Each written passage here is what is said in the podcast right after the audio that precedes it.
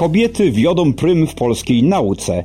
Czego możemy się nauczyć od kangurów? Rolnicy żądają ograniczenia importu zboża, tym razem z Litwy. Jest 29 lutego. Piotr Nowak, zapraszam na poranny przegląd prasy portalu infor.pl.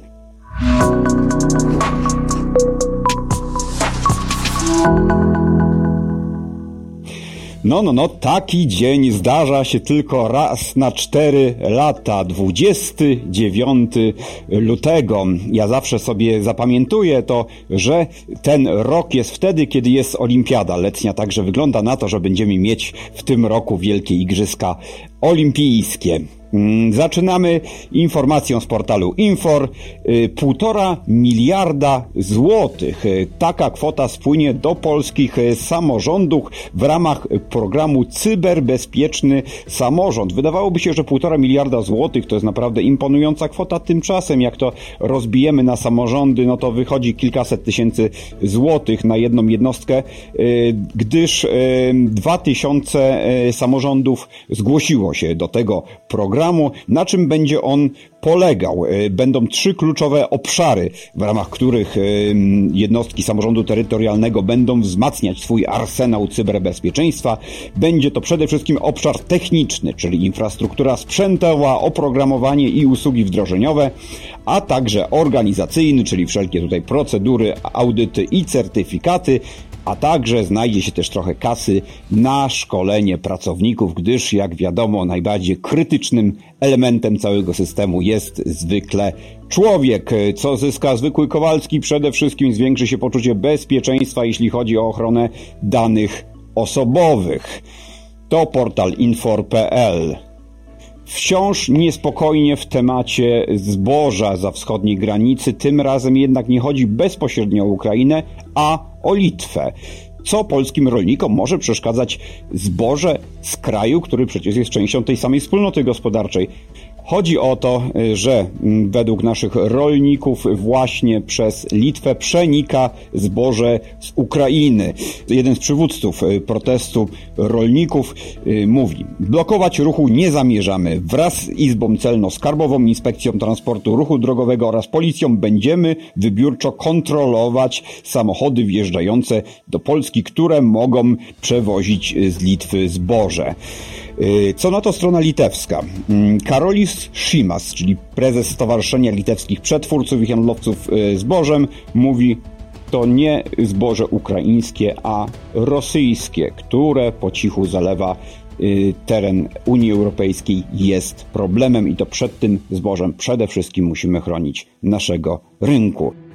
Doświadczeni, wartościowi pracownicy coraz częściej rezygnują z pracy w sferze publicznej. Powód jest prozaiczny. Niskie wynagrodzenia i słabe perspektywy rozwoju. Związek Zawodowy Związkowa Alternatywa ma jednak pomysł, jak temu zaradzić. Jaki to pomysł, o tym opowie y, nam mój rozmówca, redaktor Tomasz Król z portalu infor.pl. Dzień dobry Tomku. Dzień dobry, cześć. Rozwiązanie jest y, charakterystyczne dla ostatnich 12 y, miesięcy w Polsce, to znaczy podwyżka zagwarantowana ustawowo w oparciu o pensję minimalną. Mm, pensja minimalna w 2024 roku wynosi około 4300 y, zł brutto od 1 lipca, a do 1 lipca jest niższa o około 58 zł od tej kwoty. Mhm. Związkowcy y, proponują powiązanie y, pensji w budżetówce z pensją minimalną, ale uwaga, z bonusem.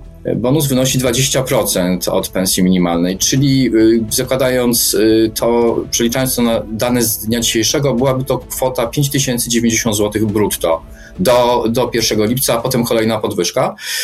Co ciekawe, e, ta pensja minimalna wyższa o 20% od y, pensji y, powszechnej dla wszystkich y, dotyczy nie tylko samorządów, nie tylko urzędów, nie tylko spółek Skarbu Państwa, ale ciekawym elementem tej propozycji jest, żeby również firmy, które pracują dla samorządów, dla budżetów w oparciu o zamówienia publiczne były Chyba objęte tą specjalne klauzule by trzeba było dodawać tutaj w umowach z tymi firmami. Tak, prawda? tak. Czyli jeżeli spółka podpisuje, podmiot komercyjny podpisuje umowę na remont y, szkoły na przykład, tak, w gminie, no to pracownicy tej prywatnej firmy, którzy pracują przy tym remoncie, mieliby również pensję minimalną plus 20% zagwarantowaną jakby ustawowo.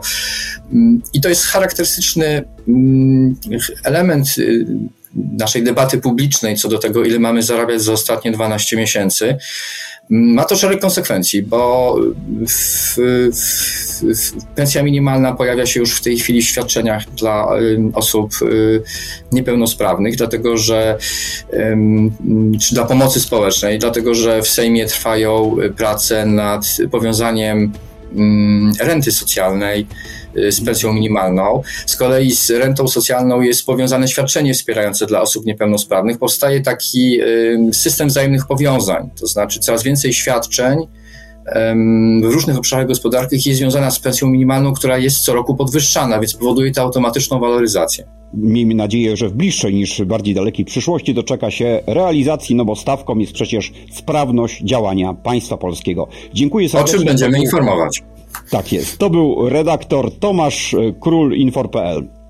Czy to koniec partyjniactwa w spółkach Skarbu Państwa? No może to zbyt y, daleko idąca prognoza, natomiast jest jaskółka nadziei, a pochodzi ona z grupy Azoty. Posłuchajmy Huberta Kamoli, czyli nowego szefa Rady Nadzorczej tego koncernu, który mówi, Grupy Azoty nie stać na nominantów, którzy na niby stanowiskach wykonują niby pracę. No nareszcie chciałoby się powiedzieć po tylu latach obsadzania kluczowych stanowisk wysokopłatnych yy, politycznymi nominantami, może wreszcie nadejdzie czas yy, ekspertów. Yy, w wywiadzie dla Pulsu Biznesu menedżer ten przedstawia również plany grupy Azoty na najbliższe lata. Przede wszystkim będzie to zachowanie płynności finansowej, a także powiązanie z lokalnymi organizmami gospodarczymi, bardziej skuteczne odpowiadanie grupy Azoty właśnie na potrzeby gospodarek konkretnych regionów polskich. Ten y, wywiad w dzisiejszym Pulsie Biznesu. Polki zaskakująco silne w nauce. Okazuje się, że jesteśmy na pierwszym miejscu w Unii Europejskiej, jeśli chodzi o odsetek naukowców i inżynierów. Aż 41% to średnia Unii Europejskiej, natomiast w naszym kraju odsetek ten wyższy jest o 8 punktów procentowych. Szczególnie dużo pań zajmuje się branżą e, nauki, jaką jest biotechnologia. Kiedy koncentrujemy się na nauce, kwestia płci przestaje odgrywać rolę, mówi Piotr Garsecki, współzałożyciel Polskiej Akademii Nauk. E, również ważna informacja, e, na wyższych stanowiskach naukowych już tych kobiet jest znacznie mniej. Czego możemy się nauczyć od kangurów? Przede wszystkim opieki nad potomstwem. Według najnowszych e, badań kangurowanie, czyli y, trzymanie dziecka blisko ciała w takiej pozycji przylegającej w tych pierwszych tygodniach po urodzeniu sprawia, że dzieci są zdrowsze, a w przyszłości mają wyższy iloraz inteligencji.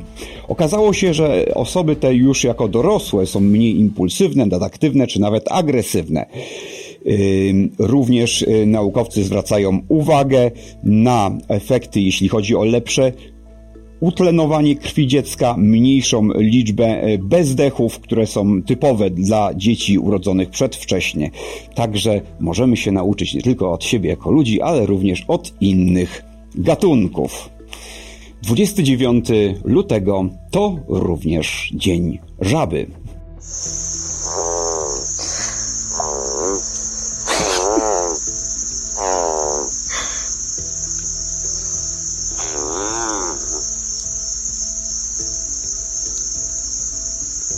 Oh, do your war cry again.